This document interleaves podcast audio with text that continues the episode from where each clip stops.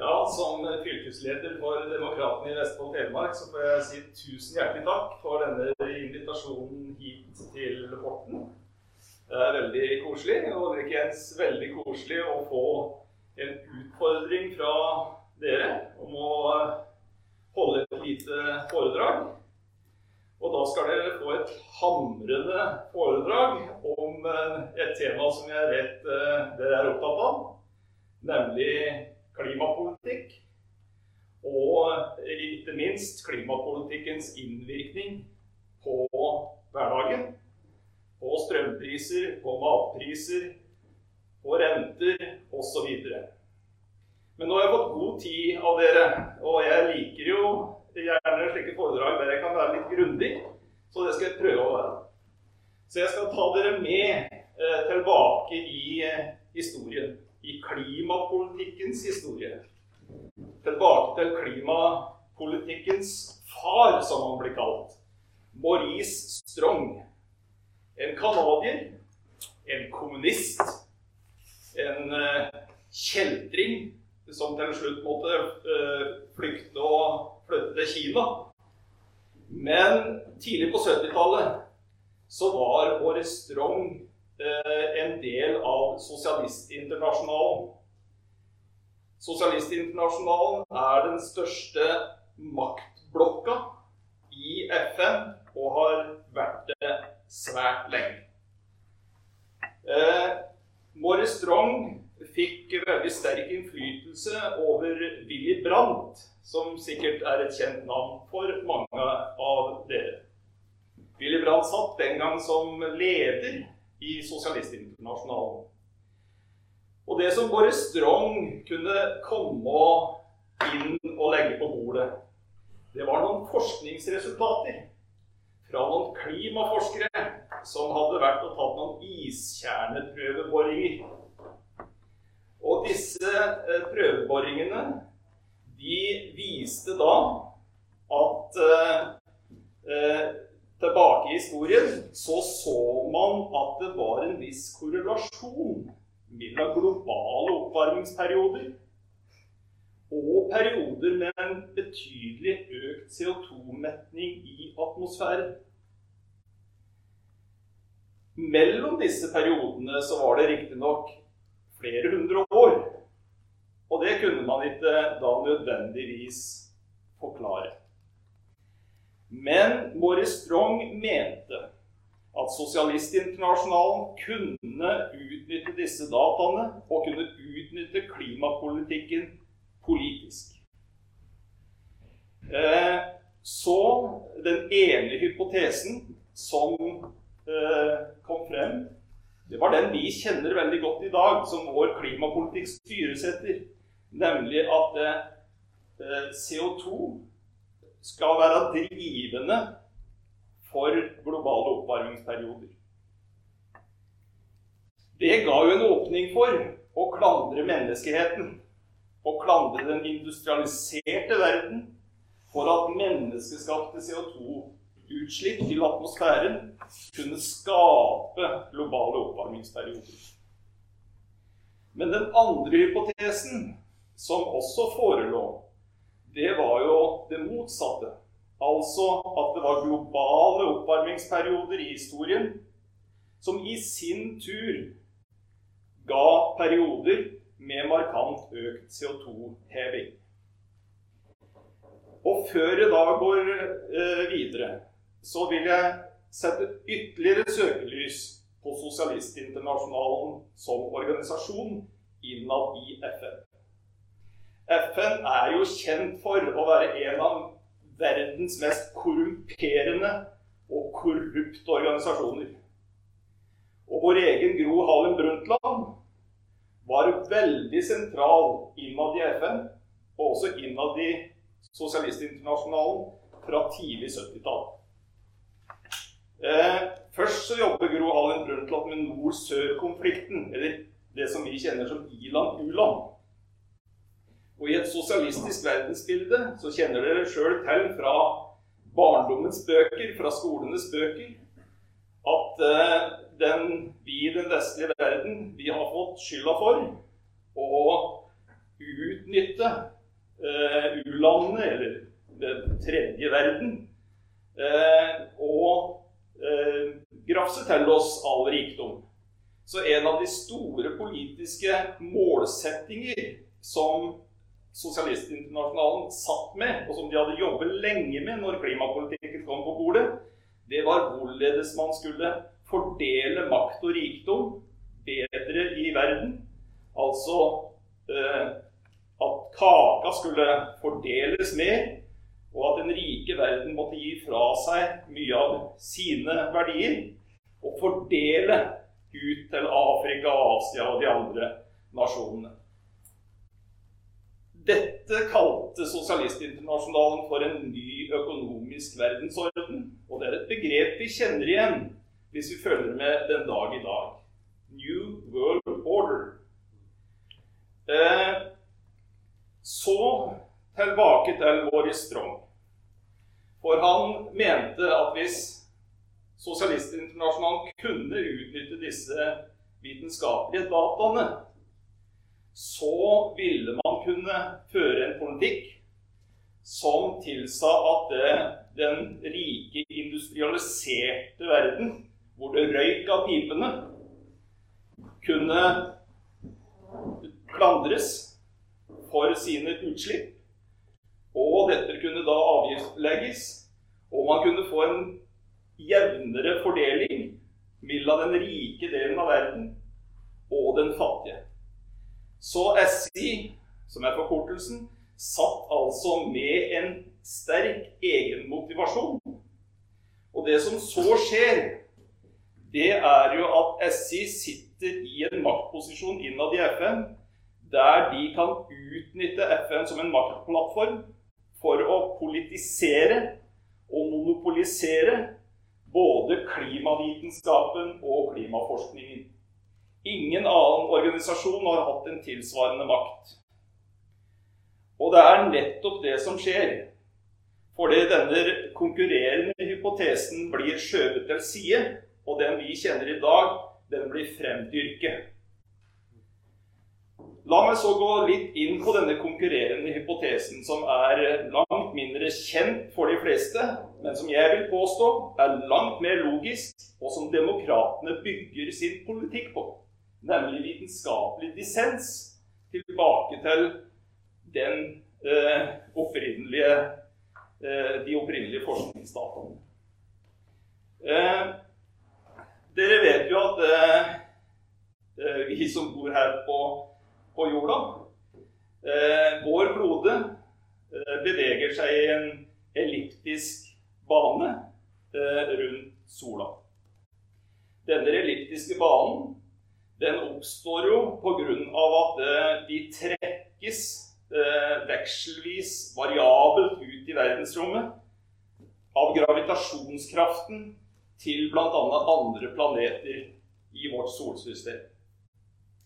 Og når vi er Og sola er jo den aller, aller viktigste varmekilde vi har. Når vi er trukket lengst ut i denne elliptiske banen, så har vi altså størst avstand fra sola. Og hypotesen er jo at eh, disse kreftene, som langt fra er menneskeskapte, de er jo vesentlige eh, årsaksforklaringer til vekslingen mellom istider og varmere perioder.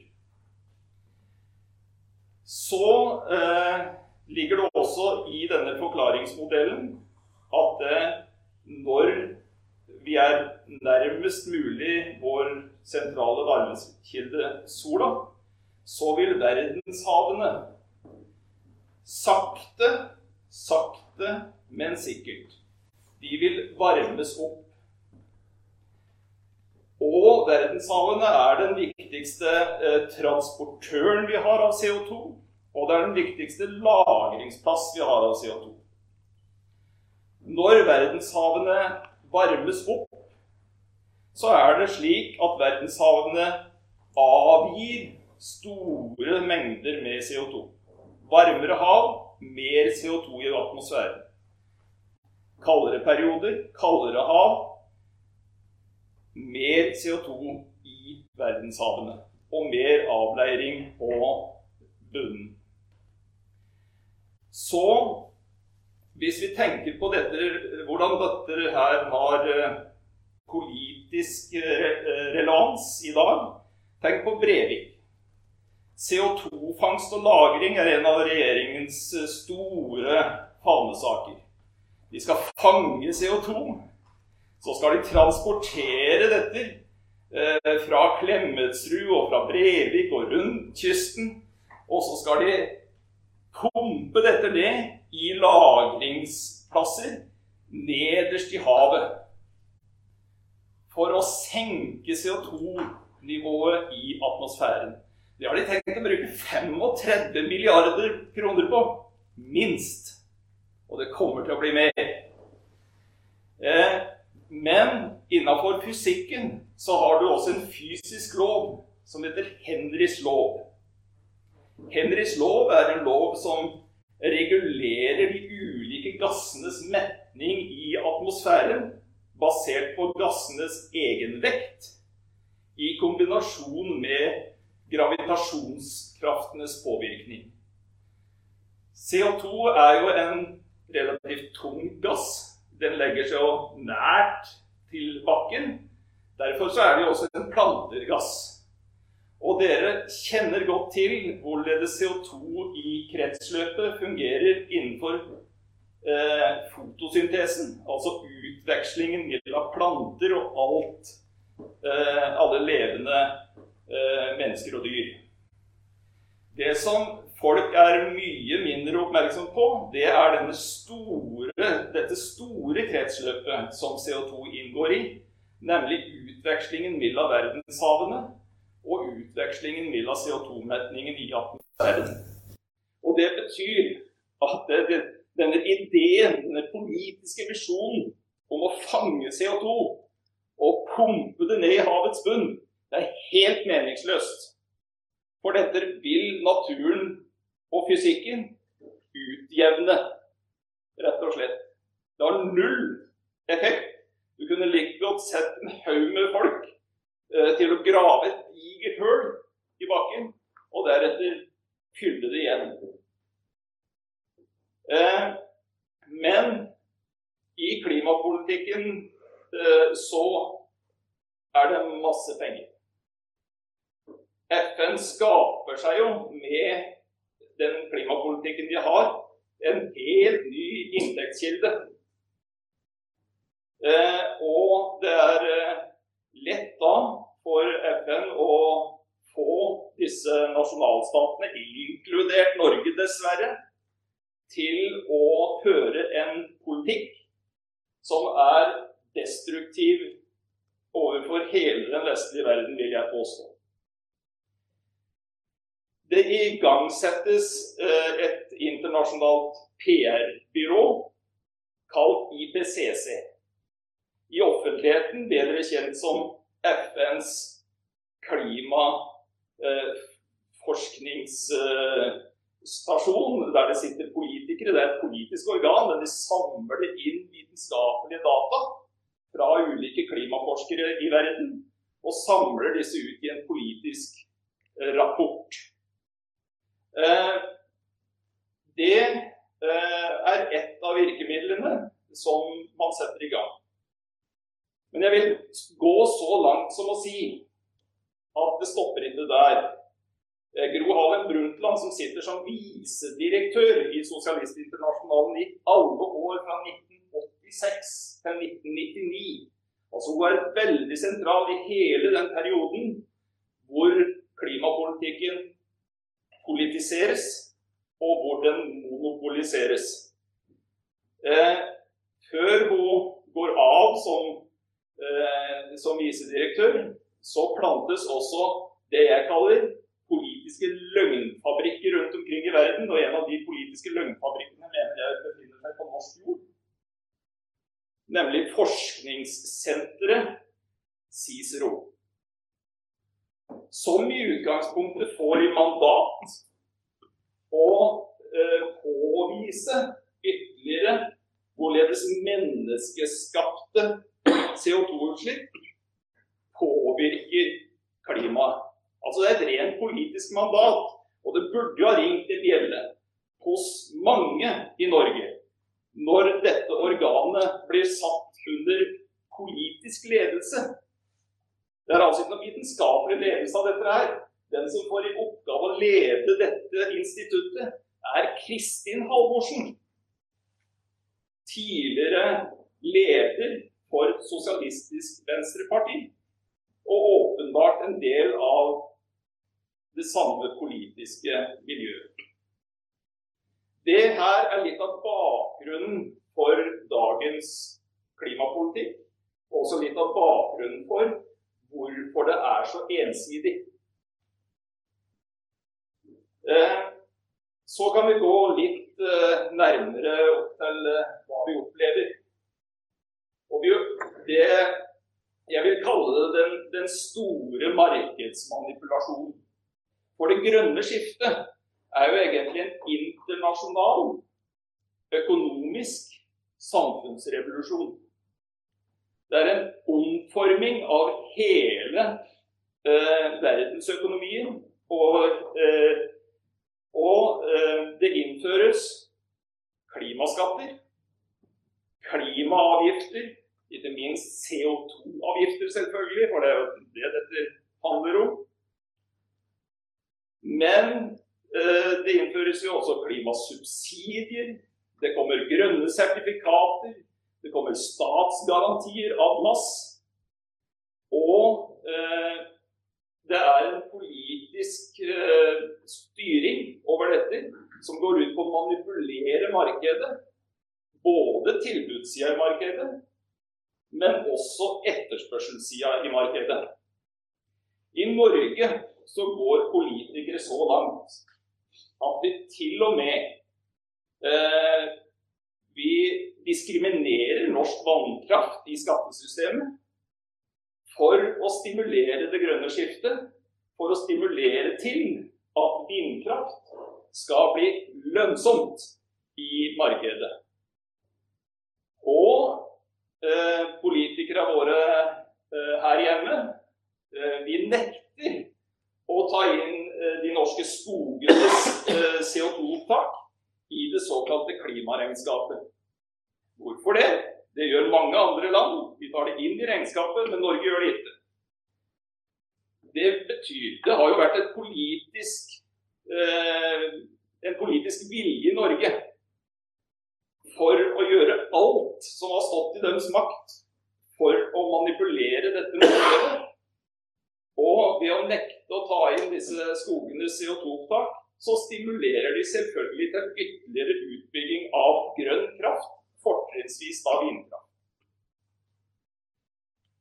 I eh, helt uh, moderne tid uh, så har jo også våre politikere fått den glimrende ideen å skulle elektrifisere de norske plattformene.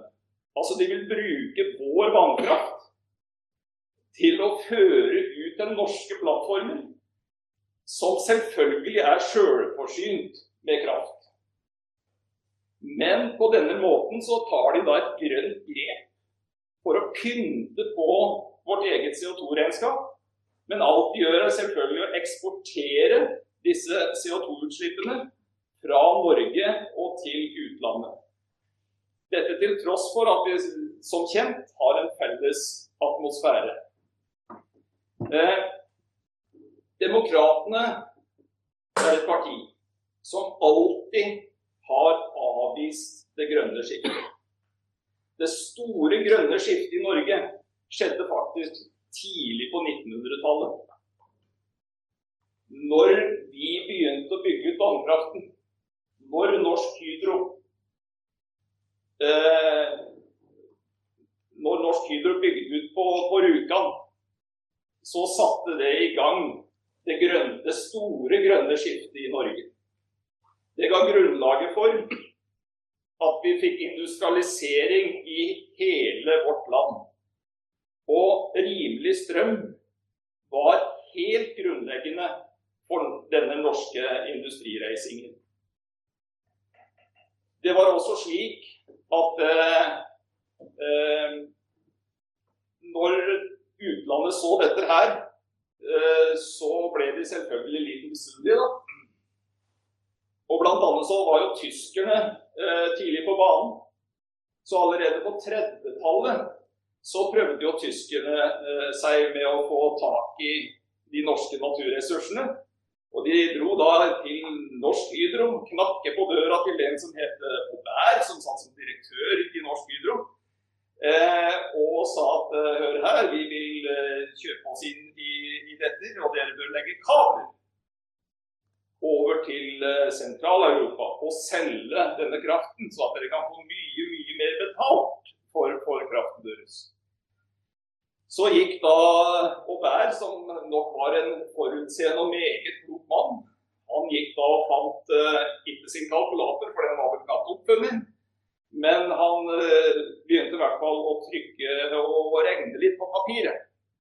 Og han ga da den beskjeden tilbake til den tyske utsendingen at han hadde regnet litt på dette.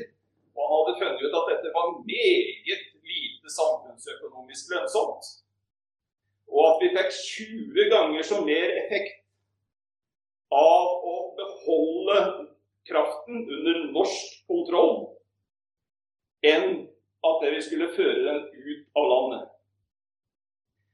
Nå vet vi samtidig at situasjonen har blitt en annen. Nå har vi fått høye strømpriser som har satt i gang en generell prisspiral i samfunnet, og hvor Norges Bank i sin tur Eh, reagerer med renteevninger som slår inn i privatøkonomi. Men dette har vi altså hatt historiske advarsler mot. Eh, Spetalen advarte i nyere tid, allerede i 2014, for hvis det vi kobler oss inn til et umettelig europeisk marked, så ville det gå galt. Var det noen politikere som hørte? Ja, det var det faktisk. Det var demokratene. Som det eneste partiet i Norge så har vi advart i mange år fremfor det siste stortingsvalget. Men det er veldig få som kjenner til oss. Det er veldig få som nedverdiger seg til å lese alternative medier. Dokument.no er et alternativt medie i Norge som har skrevet om dette i mange år. Og kanskje skulle man da ha tatt en titt. Nå er vi der at vi står overfor et dysfunksjonelt, politikerskapt europeisk marked som vi har hatt politikere som har vedtatt å koble oss til. Og vi er nødt til å komme oss ut igjen. Vi er nødt til å reetablere det norske innenlandsmarkedet for strøm. Og det betyr mange grep. Det betyr at vi må ut av EØS-avtalen, vi må ut av ACER, vi må ut av Nordpol, og vi må reetablere det norske kraftmarkedet. Og da vil jeg advare mot ethvert grønt parti, og mot ethvert parti som sitter på Stortinget og som har hyllet FNs klimapolitikk, som har applaudert Greta Thunberg, og som til og med har oppfordret norske lærere til å sende sjøl småskolebarn ut i gatene for å hyle, eller brøle, var det de gjorde, på enda sterkere nasjonale klimatiltak. Nei, nå er tida inne for at vi må sette Norge først. Nå må vi prioritere norske husstander og norske bedrifter og våre politikere som nå har ranet oss og gir oss tilbake almisser det er ingen grunn til å takke dem. Det er ingen grunn til å stå med lua i hånda. Det de skjønner, er å tape velgere, og at du neste gang stemmer på et helt annet parti. Takk for meg.